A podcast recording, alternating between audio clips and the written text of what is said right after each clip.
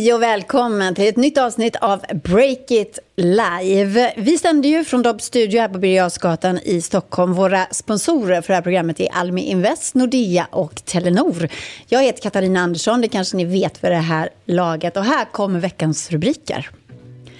Klarnas hemliga plan för att ta över USA, det är något mycket roligare än en torr betallösning kan jag säga.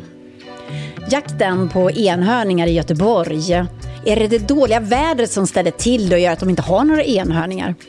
Slavarbete och korruption. Techbolagen måste skärpa sig. Jessica Lövström sätter en blåslampa i baken på dem. Där är våra rubriker och där är Jessica Lövström. Välkommen hit. Tack så jättemycket. Tack. Du, är du är vd för ett bolag som heter Ansvar och säkerhet. Nej, jag är inte vd. Jag är senior advisor. Aha. Vd är Louise Brown. Okej. Okay. Mm. Men du är en av de här grundarna i alla fall. Exakt, precis. Ja, då fick vi det rätt. Ni ska ta itu med slavarbete, korruption, svartarbete. Det är ju det nya svarta inom hållbart eh, entreprenörskap kan man säga. Det är det.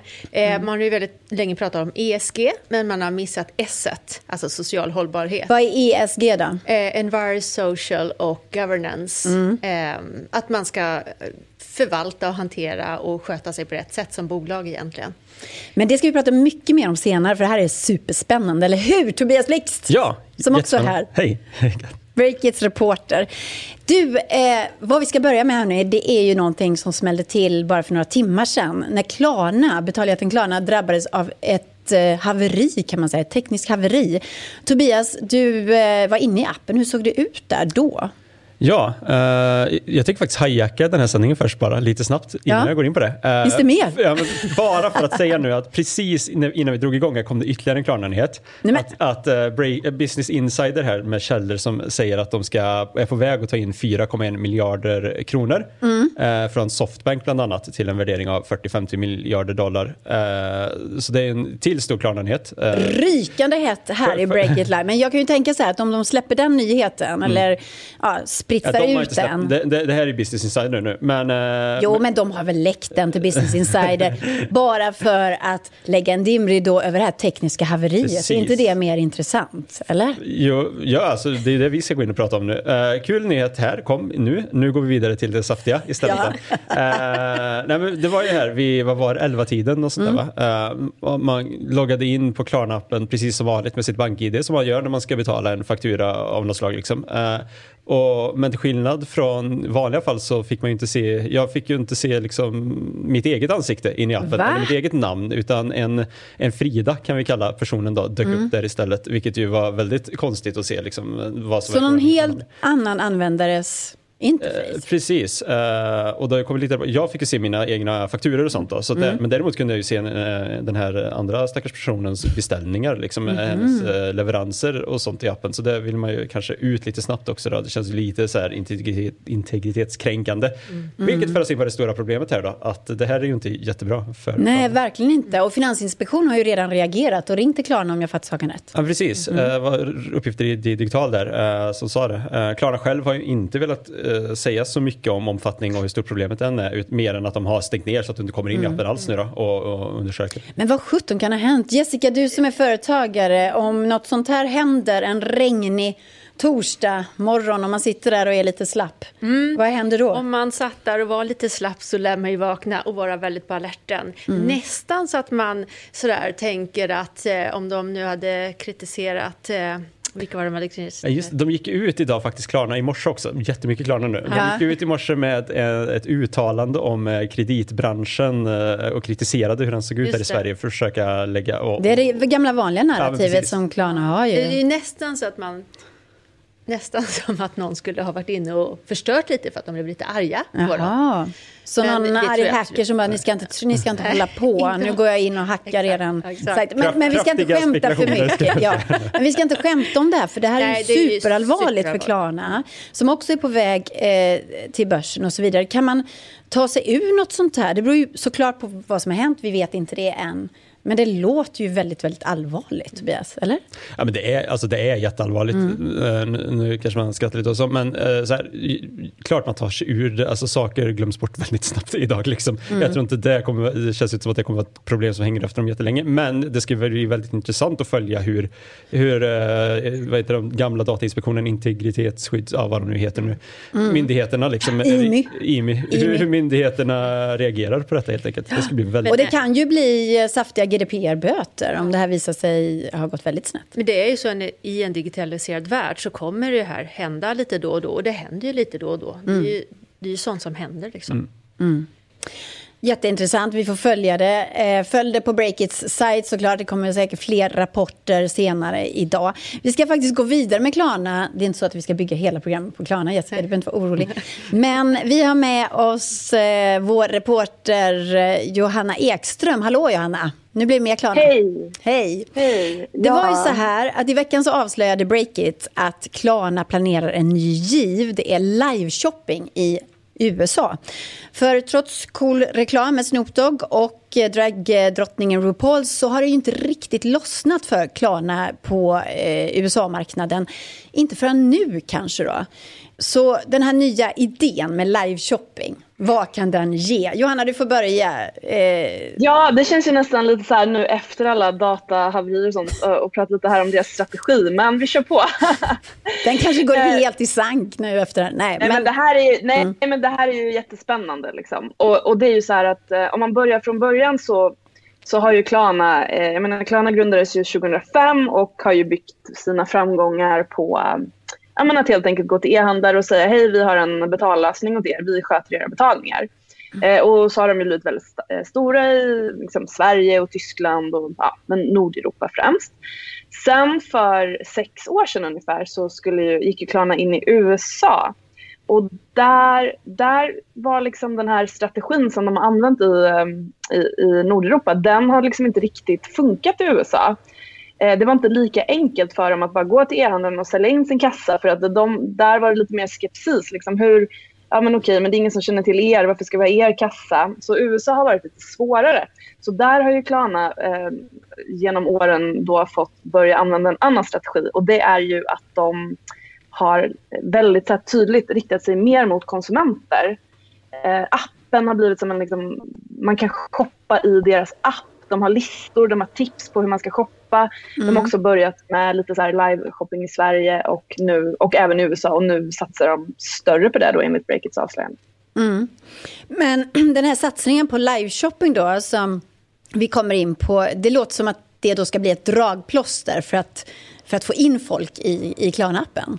Är det så? Ja, ja men precis. För att eh, live-shopping är ju, alltså, ja, men, vad ska man säga, generellt, alltså det här live shopping har ju kommit, det har kommit från Kina där det har varit väldigt stort liksom, under några år och det har ju e-handlare i Europa och USA sett. Och i Kina är det ju så pass stort att eh, det stod för, ja men under 2019 så stod bara live shopping stod för 1% av all handel i hela Kina, inte bara liksom e-handel. Så det, det är ju jättestort där. Och det som är Ehm, det, som gör, det som är skillnaden eh, med live-shopping mot liksom att bara gå in och handla på nätet, det är ju att man vill ha kvar användarna. Man, vill liksom, man går in i, för Klarna blir det, man går in i Klarna-appen, man är kvar där, man interagerar, man ställer frågor, eh, man, man hänger kvar i appen. Och det är ju det som företag vill med live-shopping. Eh, innan har det tiden, eller normalt sett är det fokus på att gå till köp, gå till köp, här är din kassa, gå till köp, checka ut, köp nu. Och det här, så det är ju en liten skillnad och det är, det, det är den eh, trenden som Klarna och många andra liksom hänger på nu. Mm. Det här är jättespännande för Klarna har ju jobbat med den här, eh, ska man säga, lite torra, trista betallösningen. Det är ju det sista steget i när man gör sin roliga shopping så att säga, så kommer man till Klarna. Nu så tar de då ett steg framåt kan man säga. De sätter sig i framsätet här och vill äga hela, hela kedjan från shoppingmotor till, till eh, underhållning under tiden och sen betalningen. Är det så man kan se det? Ja, men precis. Jag tycker det är, så här, det är tydligt att strategin i USA länge har varit att nå ut till konsumenterna först. Eftersom e-handlarna har liksom varit avvaktande så går man till konsumenterna. Det är, det är därför de har kört liksom stora reklamkampanjer med Snoop Dogg och ja, Super Bowl-reklam. Det, är ju, Mm. det, är ju riktat, det är ju inte riktat mot e-handlarna kanske utan det är riktat mot konsumenterna. Hitta till vår app. Vi har en liksom, smooth app här som du kan, eh, som du kan shoppa i och, eh, och på så sätt få liksom, upp kännedom om, om varumärket och sen lock, även locka in e-handlarna. Mm. Jättespännande. Det, det blir spännande att se om den här Klarna-utvecklingen att rikta sig mot konsument kommer gå fortare då i USA än den, än den har gjort eh, i Sverige. För här är det väl fortfarande så, Jessica, att vi använder väl Klarna mest för att betala, liksom, inte för att hänga i appen. Nej, jag, jag har aldrig hängt en någon Klarna-app, men eh, i vissa fall när man gör en betalningslösning så finns ju de där som ett alternativ såklart. Ja. Jättespännande i alla fall, Johanna. Så tusen tack för den rapporten och hej då. Hej då! Det kom en annan nyhet i veckan om eh, G-Lot. Ja, ett av eh, Sveriges mest hypade bolag inom e-sport. Och e-sport gillar du. De tog in en halv miljard i fjol. Och så förklarade de att de skulle bli lika stora som Spotify. Så det var stora planer, stora ord. Nu, sex månader senare, så ser det inte alls lika ljust ut. Eh, Tobias Blixt, Mm. du har storyn. Det som händer nu är ju att dels att grundaren och vdn har ju i princip lämnat bolaget helt operativt, har jag fått reda på eh, när jag kontaktade bolaget här och ja, men de gjorde en förlust på 250 miljoner, en kvarts miljard då, eh, Mm. under fjolåret enligt nya siffror från bolaget också. Ja, så alltså en, en vd som har blivit utstött ur företaget, han säger ju själv då att han eh, har gjort det för att han ska få mer tid med familjen. Eh, så så kan det vara, men ja, du rynkar på näsan. Ja, Ja, man kan Eller- inte ta in en halv miljard och sen så ett halvår senare säga att man ska ha mer. Det, det, det verkar konstigt. Ja, det verkar lite konstigt. Ja. Men en kvarts miljard i skulder också. Är det inte så här att många... Nej, Inte skulder, i i förlust. Nej, förlåt, förlust. Ja, viktig skillnad. Är det inte så att många snabbväxande bolag ändå dras med stora förluster? Så är det så speciellt just det här fallet då? Eh, ja, men så kan det vara. Här, här, så här, det står det här att man går från att prata om att bli större än Spotify och ha jätteambition liksom för sex månader sedan till att egentligen göra en hel omvändning kan man ju ändå kalla det. Liksom att man stänger ner massa internationella marknader som är olönsamma, man gör sig av med personal, konsulter och framförallt drar ner personalkostnader. Man, eh, man ska sikta på liksom Europa och USA, då, Västeuropa säger man, för att liksom hitta Inte, inte lönsamhet i bolaget men eh, de nya användarna ska kosta mindre att ta in än vad de ger helt enkelt. Alltså man vill ha någon lönsammare tillväxt där. Så det är ju en hel omvändning mot vad man har gått ut med tidigare, helt klart. Men kommer de lyckas med det här då, tror du, Tobias Blixt? Eh, senaste siffrorna är ju inte jätteljusa får man säga. Intäkterna har ju också liksom störtdykt här första kvartalet och sånt. Eh, men det är ju jättesvårt att säga. Jag vågar inte dra någon hel slutsats här. Men det man kan säga är ju att de gör förändringarna som ju kanske verkar behövas. Det verkar som att de verkligen fokuserar om nu och gör något eh, rätt. Helt, ja, kanske gör något rätt, det är ju svårt att säga, men absolut. Okej, vidare till nästa nyhet som vi vill ta upp ur veckans nyhetsflöde. Det handlar om Göteborg. För i veckan så publicerade Göteborgs-Posten en matig artikel om eh, startup-scenen i Göteborg. Varför finns inga enhörningar i Göteborg var frågan i den här artikeln. För i Stockholm så pumpas det ut globala techbolag på löpande band medan Göteborg då har hamnat i bakvattnet. Vad beror det på? Beror det på en gammal torr industrikultur? Beror det på det dåliga vädret? Eller vad är det för någonting? Vi ska koppla in Göteborg direkt. Jens Östergård som är entreprenör vid eh, vd för mötesplatsen Valborg AB och du är också engagerad i startup-scenen i Göteborg. Hej på dig! Och eh, hej också Sara Wallin som är vd på Chalmers Venture. Välkommen du också. Tack så mycket. Till er båda så vill jag säga då, eh, en, när jag läste den här artikeln så var det en, en bra bild i den. Det var eh, Naked-grundaren Jarno Vanatapio som sitter ute i Gamla stan i Göteborg i, i sina lokaler. Och det här området i Gamla stan, det skulle bli den nya startup-hubben var det tänkt då. Men nu sitter stackars Jarno där tillsammans med Arbetsförmedlingen och Bingolotto och kliar sig i huvudet och undrar vad som har hänt. Så Jens, vi börjar med dig. Vad, vad skulle du säga är den största anledningen till att Göteborg inte levererar enhörningar på samma sätt som, som Stockholm? Vi tittar nu på hur vi kan komma ikapp övriga delar av, av Sverige får man ju säga. Någonting jag tror mycket på det är den fysiska mötesplatsen som en del i lösningen där jag tror på något mycket mer centralt eh. Mm.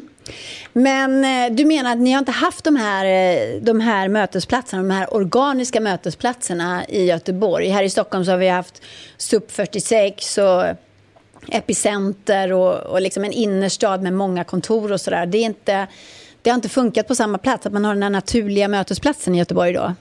Nej, inte, inte riktigt i city. Um, och vad ska man säga, jag pratade med Jessica Stark på, som var med på Sub 46 igår en hel timme faktiskt. Hon coachar mig lite i detta också.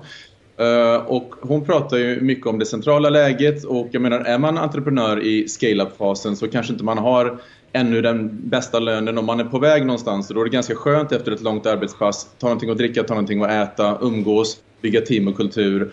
Och det gör man enklast menar vi i citykärnorna där det finns ett utbud redan idag. Eh, mm. Så man kan liksom inte sitta ute i Gamlestan som, som då för de som inte vet, det är, liksom, det är en bit utanför citykärnan helt enkelt. Det här. Det är, ja. jag, pratade, jag pratade med Maria som är VD för bedrivelset i Gamlestan häromdagen och hon liksom stöttar också ett centralt läge så jag, jag ser komplement liksom. Mm. Eh, kan sitta där. Där har de lite mer av en tidig startup eh, kanske fas på, på Yesbox medan vi eh, behöver andra kompletterade delar för, för scale-up då där man mm. rör sig mot 100 miljoner strecket. Men ett problem då är det här liksom, man har inte riktigt hittat rätt när det gäller den här naturliga mötesplatsen för innovativa, kreativa techbolag. Liksom. Eh, men, men eh, Sara Wallin som är vd då på Chalmers Ventures, jag vill koppla in dig också. För en annan viktig del i det här med att bygga bolag det är ju att det finns kapital. Och att det finns rikisar som vill kasta pengar på bra idéer. Hur ser det ut på den fronten i Göteborg om man jämför med, med Stockholm, Sara? Ja, jag tror att vi behöver lyfta perspektivet ett snäpp och se att eh, Sverige och Stockholm sticker ut på ett otroligt positivt sätt i en internationell jämförelse.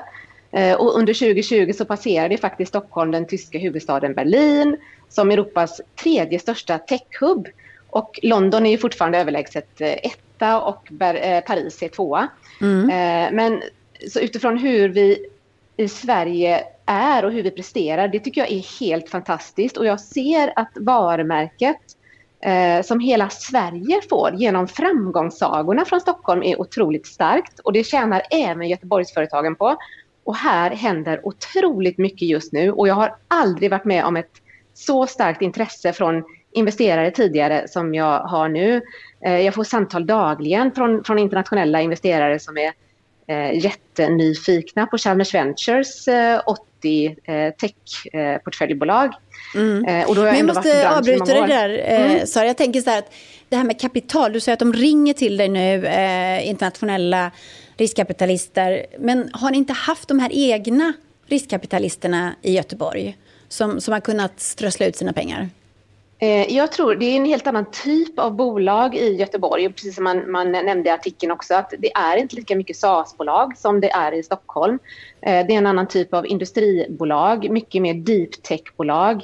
Och det investeras ju mer i eh, research and development i Göteborg faktiskt än i Stockholm. Så att man driver kanske en annan typ av utveckling och också mer att driva långsiktigt, driva bolag som är, är lönsamma och också påverkar samhället i grunden mm. på sikt. Där tror jag att vi har mer fokus än kanske att bygga unicorns. Det ser jag även på Chalmers Ventures, att vi, vi fokuserar på eh, långsiktig påverkan med bolag som självklart ska vara eh, lönsamma och ge avkastning.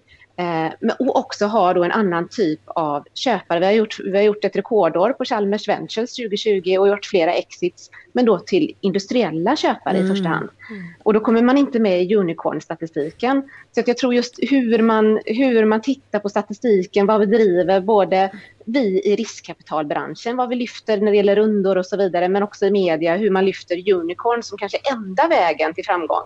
Men jag tror att vi ska se det på ett bredare sätt och, och titta på framgång eh, med olika glasögon och lyfta olika typer av framgångsexempel. Eh, Jättespännande tycker jag. Jättespännande poäng som du gör där.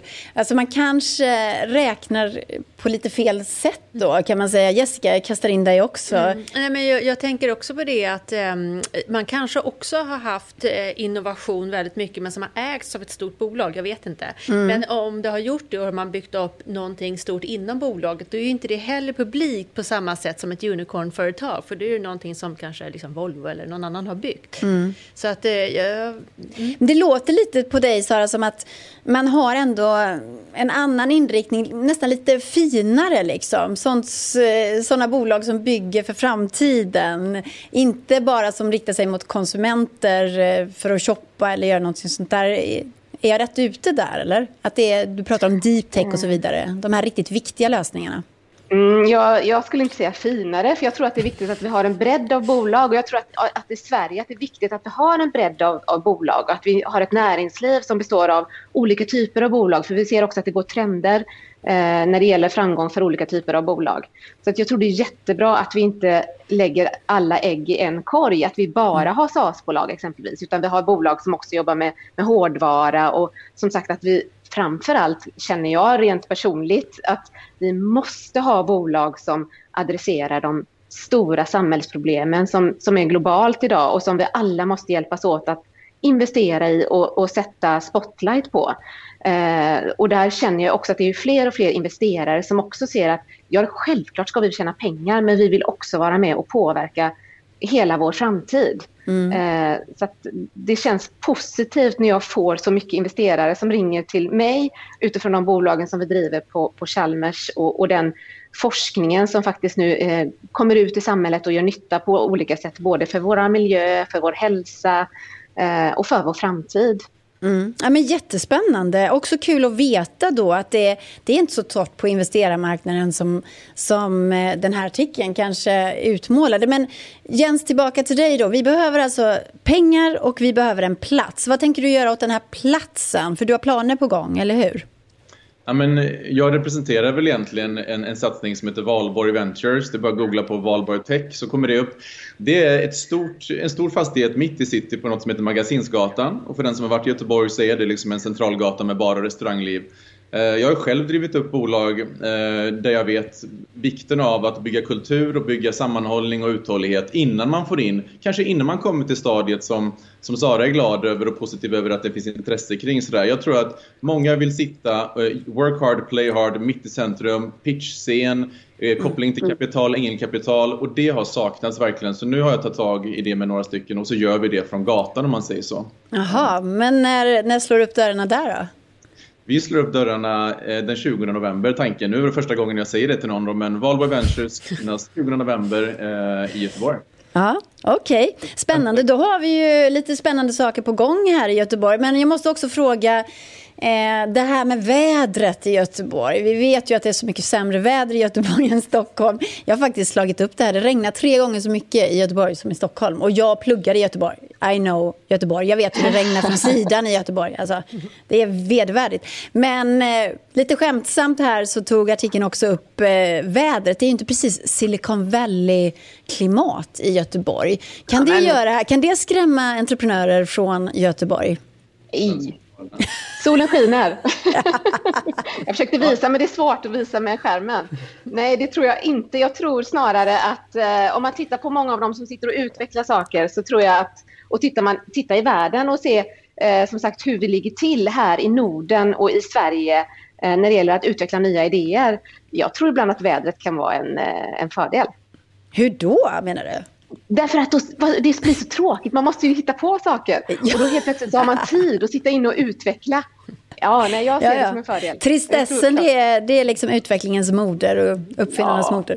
Ja, nej men alltså jättebra att ni är på gång i, i Göteborg och kul att få snacka med er om startup-scenen där och kul att få höra att det finns så mycket tankar, idéer och sådär. Tack ska ni ha båda två. Tack så mycket.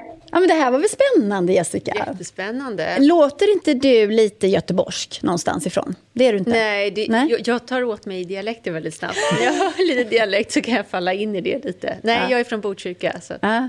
Men har du någon koppling till eh, västkusten och Göteborg? Nej, äh, Göteborg, ja, nej det har jag inte. Jag tycker jag, du gick väldigt hårt åt Göteborg här tycker jag faktiskt. Att, äh, Vadå då? Jag vill, vill, nästan hoppa in och försöka själv. Det var extremt hårt tyckte jag. Men jag äh, älskar Göteborg. Herregud, jag har pluggat i Göteborg. Jag har massor med sköna vänner i Göteborg.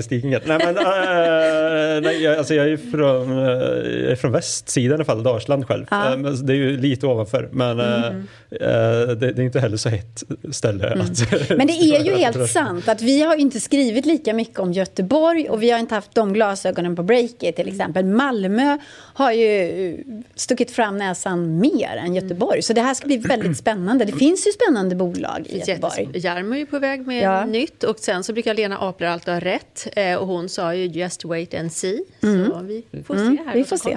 Jag tycker det. Men jag, jag vill säga att de gångerna vi skriver om Göteborg, för, alltså jag har den anekdotiska bilden här i alla fall när jag mm. ringer så är det att det väldigt ofta är som de tog upp lite i texten kanske också, att, eh, eller att det väldigt ofta är bolag som är kopplade till universiteten man ringer till. Liksom. Mm. Sen vet man inte, så här, det kan ju vara att universitets, eh, liksom, de här Chalmers Ventures, alla, liksom, de, de är bra på att uh, skicka pressmeddelanden och nå ut till oss också. Mm. Uh, så, men men uh, det känns väldigt ofta som att det är universitetsanknutet, jag tycker är jättekul mm. bolag. Och sen kan man ju tänka att om inte alla tycker att det är så himla viktigt att hålla på och vifta med att man är en enhörning, mm. så tänkte jag på Recorded Future som är ett stort eh, bolag i, i, Göteborg som, som jobbar med riskanalys. Alltså precis det här området nu som Klarna kanske behöver veta. det här är ett stort och växande område. Eh, och för två år sedan så hade de ju en nästan enhörningsvärdering eh, på 780 miljoner dollar. Så det är liksom närmar mm. sig. Och nu pratade jag med vd när jag messade med honom och då sa mm. han så här, nu har vi en fyra gånger så hög omsättning. Så att eh, go figure. Liksom. Ja. Men grejen var ju att de blev uppköpta. Så ja. då blir man ju inte Nej, enhörning. Det Men det är ju ändå ett bolag som antagligen skulle varit en enhörning. Ja. Jättespännande bolag, ja, helt klart. Verkligen. Mm. Bra, vi lämnar eh, Göteborg där. Och eh, från enhörningar och entreprenörer så här kommer ett ämne som hakar väl i. Vi ska gå vidare och snacka om börsnoteringar och vi ska få heta tips om bästa läget för just en börsnotering. Det här inslaget gör vi ihop med vår sponsor Almi Invest.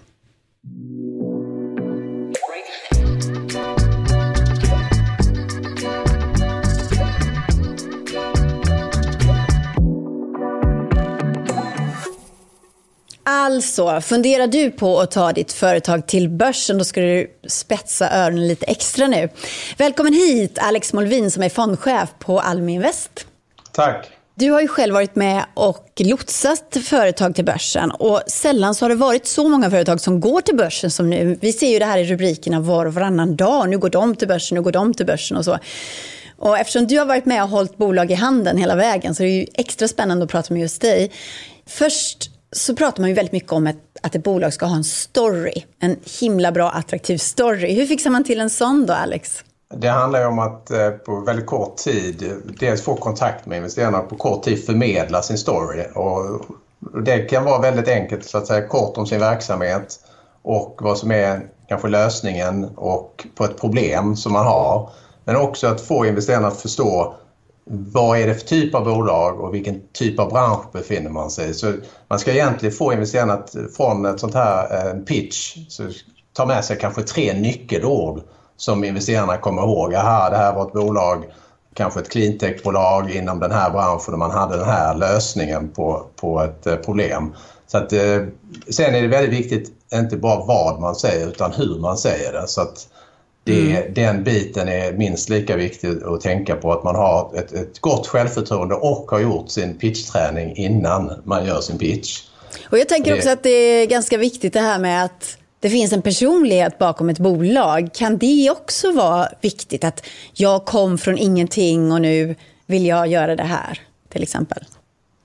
Absolut, så det är storyn inte bara om bolaget men också om dig som ledare för bolaget eller om du är grundare och du dessutom är aktiv i bolaget. Så det handlar ju om att på väldigt kort tid så vill man etablera ett förtroende, kontakt och sen ett förtroende.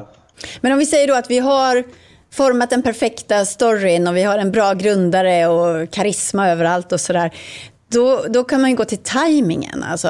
Eh, när är det egentligen rätt tid för ett bolag att gå till börsen?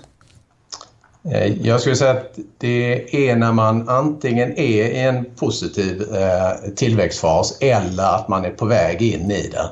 Så att man får en bra start på sin börsresa. Eh, så att de här nya aktieägarna som kommer in får vara med på en positiv börsresa redan från början. Och då är det ju bra om verksamheten också är på väg att utvecklas då positivt. Då blir investerarna glada. Men det finns ett fönster där då som man ska vara, vara lite varse om att nu finns ett fönster.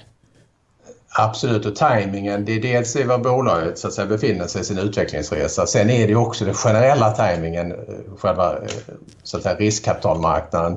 Mm. Just nu är det ju en sån här positiv timing. Kanske det bästa någonsin sen, ja, sist det var så här positivt var 99-2000 i, i den här IT-krisen. Men i år tror jag att det blir rekord på antal bolag som listas på Stockholmsbörsen någonsin. Det är min, min prognos här. Mm. Men eh, om man då vill ta chansen, om man är ett ungt bolag, nu finns det pengar eh, och så vidare. Finns det några risker med det att notera sig också för tidigt? Alltså? Som ungt bolag så handlar det om att du måste vara börsfärg och mm. är du inte det och det blir en så att säga, misslyckad start och en misslyckad resa då, då får du inte den här positiva Eh, eh, börsresande. Du uppnår inte börskritisk massa. Du kan få, få vad man kallar en död aktie på marknaden och det vill man inte se. Nej, att, det låter äh, hemskt. Död aktie. Mm. Ja, då, då, blir det ingen likviditet i aktien, ingen bra värdering och du har istället för att få kanske då vid en börsnotering tusen ambassadörer för ditt bolag som talar gott om dig för det är en positiv börsresa du har skapat så får du tusen personer som, som ogillar dig skarpt och sen lämnar dig en efter en tills du sitter där kvar själv. Oj! Med, med din döda aktie så att säga. Så att Trist bild det, Alex! Det är inget man vill eh, uppleva eh, men, men, eh, men då så är det bättre att avvakta en notering och bygga ett stabilare bolag. Om vi vänder på steken då, hur ser man till att man får en sån här positiv IPO då, börsnotering, att alla blir glada när aktien börjar handlas? Ofta vid börsnotering så använder man då teckningsförbindelser upp till 40 till 70 procent av den här totala volymen och så försöker man då få in ankarinvesterare, långsiktiga institutionella investerare som kan vara med på börsresan under många år. Det är, så det är en, en viktig bit och där är det viktigt att välja rätt finansiell rådgivare som har det här nätverket och säljer in sig till de här eh, investerarna. Så de här ankarinvesterarna de ska ju inte ankra loss så att säga Nej. efter, efter locka på börsnotering. Och det kan man ibland se eh, på börsnoteringar att eh, även om det är jättepositivt klimat nu, eh, mindre och medelstora bolag, det är ungefär hälften av de här IPOs eller börsnoteringar som går upp och hälften går ner. Så det, och det kan vara att de här ankarinvesterarna kanske ankrade loss för tidigt då. De var mm. egentligen inga riktiga ankarinvesterare. Så det, och det här kan eh, fondkommissionärsfirmor eh, hjälpa till och, och se till att få in rätt nya ägare. Tusen tack för att du var med, Alex Molvin från Almi Invest och berättade om det här. Och tack för alla goda råd. Och tack så mycket Almi Invest för att ni sponsrar Breakit Live.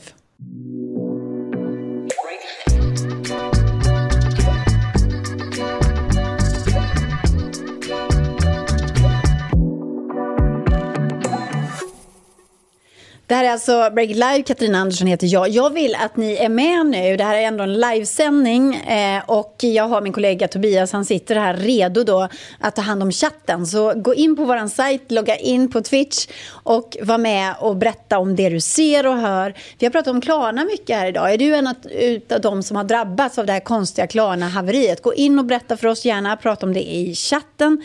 Eh, vi har också pratat om Göteborg. Och eh, det kan vara spännande att se kommentarer om det. Varför är inte startup-scenen på samma sätt i Göteborg som i Stockholm? Är den sämre egentligen? Det var det som en artikel i Göteborgs-Posten i alla fall hävdade i veckan. Men nu så ska vi ha allt ljus också på vår gäst Jessica Lövström som är v... Eh, förlåt mig, du är grundare till Ansvar och säkerhet. Yes. Ett bolag som ska ta itu med svartarbete, slavarbete och korruption. Det nya svarta inom hållbart entreprenörskap. Ja det är det. Alltså det här låter spännande. Det är väldigt bra triggerord, eller hur Tobias? Ja, verkligen. Ja, Hårt. korruption, slavarbete, ja. svartarbete. Men först måste vi bara prata lite mm. om det här med hållbart entreprenörskap. Mm. För då har ju tyngdpunkten väldigt ofta legat på just klimat, att vi ska mm. bli hållbara på det sättet. Kanske lite också om work-life balance, det är också mm. hållbart. Men du tittar på ett annat ben lite mm. grann, det här med social hållbarhet. Då. Mm. Varför tror du att social hållbarhet kommer bli viktigare och viktigare. Ja, jag tror att nu börjar man få grepp på, eh, i alla fall ET, environmental. Och det, där har man börjat få grepp på, man börjar hitta system för man ska kontrollera det och man ska, taxonomic är ju väldigt mycket på environment. Eh, sen har Du menar man, klimatet alltså? Exakt. Ja. Och sen har man missat lite S då som social responsibility eller social hållbarhet som vi säger i Sverige. Eh, och nu börjar det komma mer och mer. Och vi har också i hela västvärlden väldigt mycket slavar som jag brukar säga. Eh, och då kan folk säga det är inte slavar. Ja, mer eller mindre är de det. Varför är de slavar menar du? Ja, men de är ofta hitlurade under falska premisser. Man tar deras pass och de lever under liksom, erbarmliga omständigheter. Jag har varit ute och hälsat på och träffat några av dem. Och de, ofta så bor man kanske i en etta ute i Fittja. Du bor 30-40 personer, män i en lägenhet och har madrasser hela golvet. Man har inte råd att köpa mat i Sverige, så man äter ofta burkmat från hemlandet. Och lönen är eh, på den här typen av arbete 20 kronor i timmen. Mm.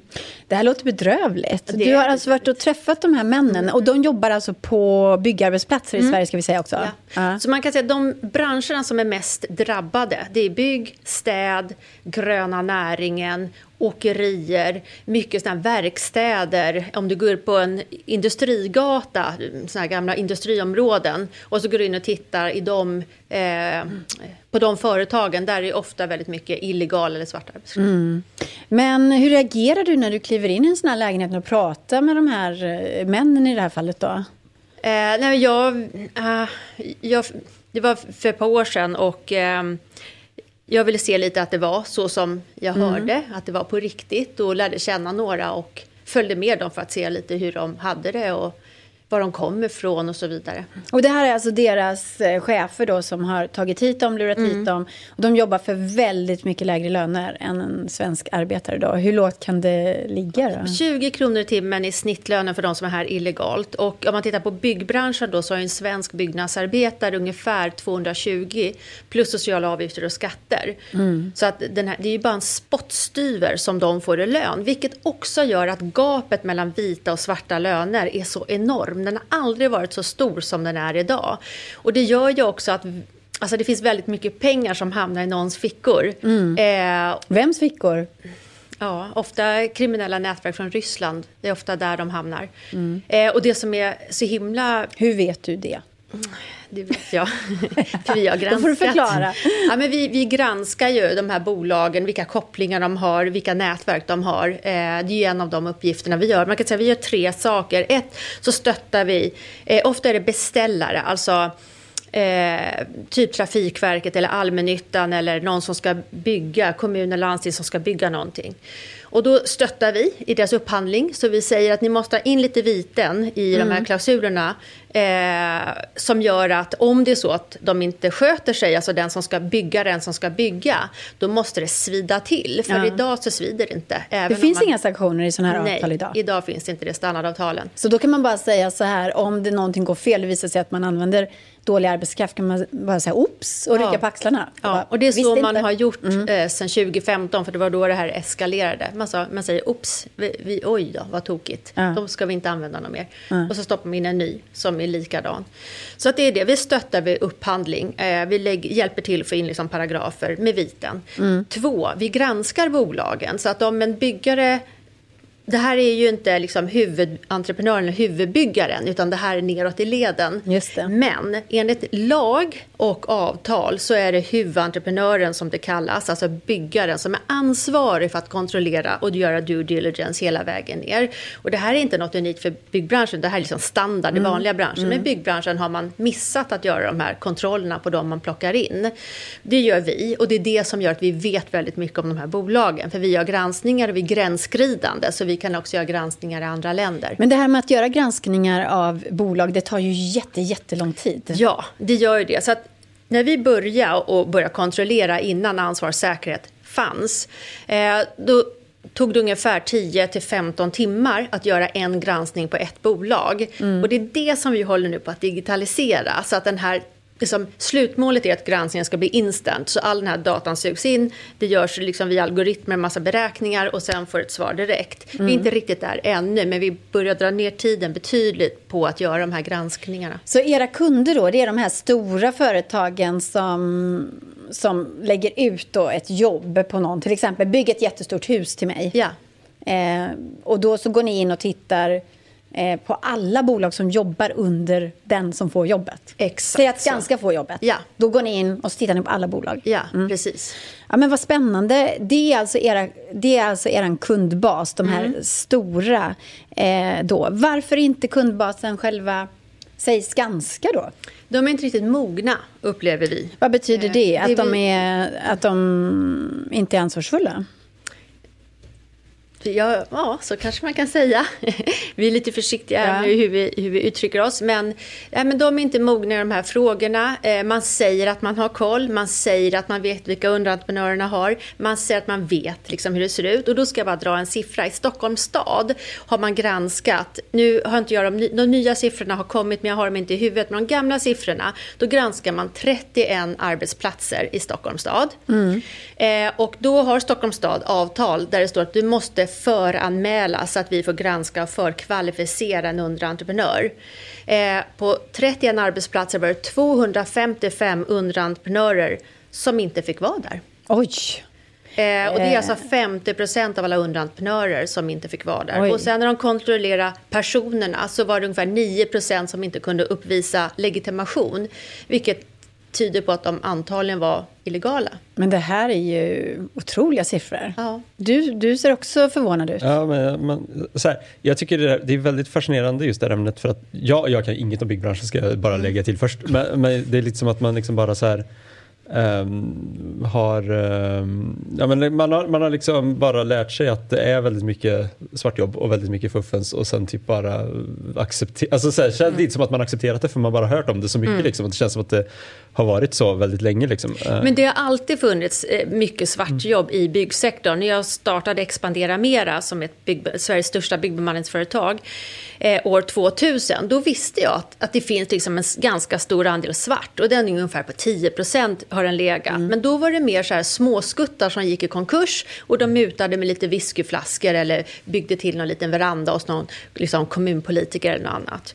Och det ska ni veta att de som blir mutade är ju alltid liksom, vita män i 45-årsåldern till 50-årsåldern som jobbar kommunalt eller statligt. Och de som mutar är privatanställda vita män i 45 till 50 Det är vita mäns fel igen. Mm. igen. Alltså. För mycket testosteron i ett rum blir aldrig bra och det är väldigt mycket testosteron i byggbranschen. Eh, Men, men Jessica, ja. jag måste fråga dig. Eh, det här med byggbranschen då som jag pratar om, det är ju, det är ju inte en bransch som Breakit skriver om jättemycket. Om vi tittar på de bolagen som finns i vår bransch då, som vi brukar bevaka. Eh, finns det samma problem med svartarbete och slavarbete, dåliga villkor här i det nya näringslivet? Ja, det finns det. Framförallt transportsektorn finns det väldigt mycket problem. Och är sen- det som, som Uber och... Exakt. Eh, och, och det finns ju, nu kommer inte jag ihåg namnet på dem, vi kanske inte heller ska nämna någon, Mm. spelar egentligen ingen roll. Men det finns ju väldigt nya bud, budbilsföretag som budar allt möjligt. Mm. Eh, där man har gått in med mycket riskkapital och som är liksom, jättecoola startup.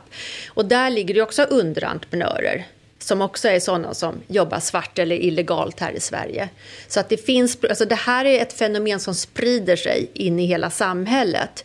Och det som är så liksom, samhällskritiskt med det, det är att alla som kommer, dels de som är nyanlända, men sen också ungdomar som ska ut på arbetsmarknaden. Om någon gör det här jobbet för 20 kronor i timmen, hur troligt är det att du får det då som ska ha en lön kanske på 20 000 kronor? Du får inte jobbet. Nej. Och det gör att vi har så himla hög arbetslöshet som vi har idag. Men jag tycker att det låter så orimligt ibland om man tar en taxitjänst. Eh, alltså som inte är en, en traditionell ta taxitjänst så kan det vara så otroligt billigt. Liksom. Ja. Så att man tänker så här, men det här kan ju bara inte gå ihop. Nej, Det och- finns ju inte... Nej. Eh, Och det är det man behöver liksom fundera på. Ja. Är det rimligt att jag byter, skiftar mina däck för liksom 100 kronor eller rekondar min bil för 150 kronor? Nej, för det går inte ihop. Och sen kan en del säga, ja men det är inte förbjudet att driva företag med förlust. Nej, det är inte förbjudet, men hur troligt är det att du gör det eh, år ut och år in? Eh, när du inte liksom har en nyhet bransch med riskkapital i branschen, eh, i ryggen. Det är liksom inga normala som bedriver företag med förlust. Men kan man säga så här, att, att länge nu så har ju techbranschen drivit det här narrativet om att eh, jobba, jobba för oss, eh, jobba giggare, fantastiskt, du kan välja dina egna arbetstider och, och du kan jobba när du vill, du, eh, ja, du är fri och så vidare. Eh, och eh, sen har ju det visat sig finnas massa problem med det när det inte finns någon som tar hand om rättigheterna som, mm. någon, som någon giggare har. Mm. Utan man hamnar ganska mycket i kläm. Mm. Sådär. Så att, är det där ett problem som du också tittar på? Mm. Vi, vi, eh, vi behöver ju ha liksom lite större kunder. Vi har inte tittat så mycket på den branschen, men jag vet, eh, och man gjorde alldeles nyligen ett stort reportage i en annan tidning som heter Byggnadsarbetaren, där man tittade just på de här plattformsföretagen. Behöver inte heller nämna någon namn, men det finns ju mm. jättemånga som kopplar ihop hantverkare med privatpersoner. Och så började man titta på vilka det är som jobbar där. Eh, och det är ju i stort sett bara illegal arbetskraft som jobbar där under mm. vidriga omständigheter och förhållanden. Så hur kan man lyfta den här frågan då? För att idag ser vi som använder tjänsterna ofta det som väldigt billigt och väldigt bra, väldigt mm. bekvämt och så vidare. Mm. Måste man också öka den här, måste man sätta press? Kommer du med din blåslampa där? Nej, men jag tror att man måste öka medvetandegraden. För att om man vet, så här, varför köper vi ekologiska bananer? För att vi vill vara liksom, bra människor. Mm. Då är det inte samtidigt okej okay att man har liksom, en hantverkare hemma som är här och har 20 spänn i timmen och, och bor 30 personer i en etta som de dessutom betalar så här, sjukt höga hyror för till sina arbetsgivare. Så att jag tror bara höj medvetandeghetsgraden för mm. att vi köper ekologiskt mm. och, och kravmärkt och rättvist märkt och så vidare. Så skulle folk förstå, alltså att man verkligen så här svart på vitt får förstå att det är så som du tror, då tror jag att folk skulle sluta. Eller kräva att det liksom är bättre villkor eller fråga vad du har för villkor. Mm. Men argumentet då att de här personerna eh, har ett jobb. Liksom. Vad tar de vägen? Jag förstår att det är ett dumt argument. Mm. Men, men säg så här att man... Okej, okay, Eh, men då ska vi inte använda de här människorna. Vad, vad, vad tar de vägen då? Jo, men det är klart att vi ska använda dem, men vi måste ju betala vad det kostar. Alltså vi måste ju lära oss vad saker och ting kostar. Mm. Att det, det, är inte rimligt att man kan köpa saker för inga pengar alls. Och det är det man måste lära sig och fundera på. Är det mm. rimligt att en t-shirt ska kosta liksom 10 spänn? Eller är det rimligt att jag ska kunna få mina varor skickade hem från eh, ett budbilsföretag för 29 kronor eller gratis? Det är ju det. det måste liksom, vi måste betala för vad saker och ting kostar. Mm. Och, och, då finns det ju en marknad för alla. Då får vi också in skattepengar. Och med skattepengar kan vi också liksom göra massor med bra saker i samhället. Och ha eh, skolor med lärare och, och, och vårdpersonal anställd och så vidare. Mm om jag får säga, vi fick en tittarfråga från ett annat håll här just, just mm. om att ingen vill ha svartarbetare men, men alla vill bygga billigt. Liksom. Alltså, ja. Du är inne på, alltså, så här, ja. är det bara går, är det liksom medvetandesättet man löser det på? Eller liksom, hur, hur, hur jag tror medvetandesättet ja. är jätteviktigt eh, vad det gäller i alla fall privatpersoner. Däremot så, så tycker jag det är ett problem med privatpersoner, men det stora, stora problemet som vi har, mm. det är egentligen hos våra statliga och kommunala projekt. Alltså LOU, lagen om offentlig anställning, vi handlar upp för nästan 700 miljarder, äh, 800 miljarder per år, varav byggsektorn är en tredjedel av de pengarna. Och så går du ut och tittar på de stora infrastrukturprojekten. Vilka är det nere i leden? Ja, men det är ju det är liksom kriminella bolag som ägs av rysk maffia. Staten är alltså en stor bidragsgivare till rysk maffia. Är det okej? Okay? Har du sagt det till Stefan eh, Löfven? Jag har pratat med väldigt mycket politiker om hur det ser ut. Eh, och försöker liksom att de ska förstå att de måste reglera. Mm. Vilken ögonöppnare det här var, Tobias. Tycker inte du det? det Jättespännande diskussion. Alltså. Här i slutet, känner jag. Uh, nej, men, jag vill bara gå in just på den också. Jag tycker det var så väl, alltså, jag tycker det är jätteintressant just för att mm. vi har pratat om, vi på Breakit har skrivit jättemycket om just miljödelen i liksom den ESG-debatten. Mm. Liksom att man, uh, det kommer ju mycket krav nu på att, mm. uh, på att man måste redovisa sina, hur man, uh, vilken påverkan man har på miljön som företag. Mm. Sånt för att, Taxonomic. Precis, för att förklara lite lätt för tittare som kanske inte är med. Mm. Men det blir mycket viktigare att eh, redovisa vilka utsläpp man har, hur man påverkar klimatet och för att veta vart pengarna investeras helt enkelt. Så att mm. man eh, ja, det går att läsa på Breakit. men, men, men det, det, måste redovisas, det var det jag ville komma fram till. Eh, kom, hur ser det ut då på den sociala delen i just, är, finns, är det några sådana regleringar? Där? Det kommer att komma. Ja. Så det kommer att komma taxonomic från EU gällande social hållbarhet också. För det här är ett problem inte bara i Sverige, utan det här är hela västvärlden. Och problemet är att den tränger ut den vita marknaden, den tränger ut de vita jobben. Mm. Och idag jag säger att vi har säkert ungefär en miljon som är här och jobbar illegalt eller svart på något sätt. En eh, miljon ja. människor? Och det tar jag givet liksom, om jag tittar på hur många samordningsnummer som finns. Samordningsnummer är det du får om du inte har ett personnummer men kommer hit och jobbar. Mm. Och jag tror att det låg på 900 000 och av dem var hälften ej styrkt identitet. Eh, så liksom, var är alla de någonstans och jobbar? Och sen vet jag också, jag pratar mycket med poliser och de hittar ju folk och liksom tar fast folk som är här illegalt. Mm. Men, och det är ganska många de plockar mm. liksom. Eh, men de finns ju inte någonstans eh, och är inte så lätta heller att, att, att, skicka ut. Så att ofta vad som händer när man gör ett tillslag på en byggarbetsplats, hittar massa illegal personal, det är att man skickar dem till förvaringen. Men förvaringen är ofta fullt eh, och det tar tid att liksom kunna skicka ut någon mm. ur Sverige. Så dagen efter är de ju liksom ute igen. Och det är inte, jag ska också säga att det är inte deras fel.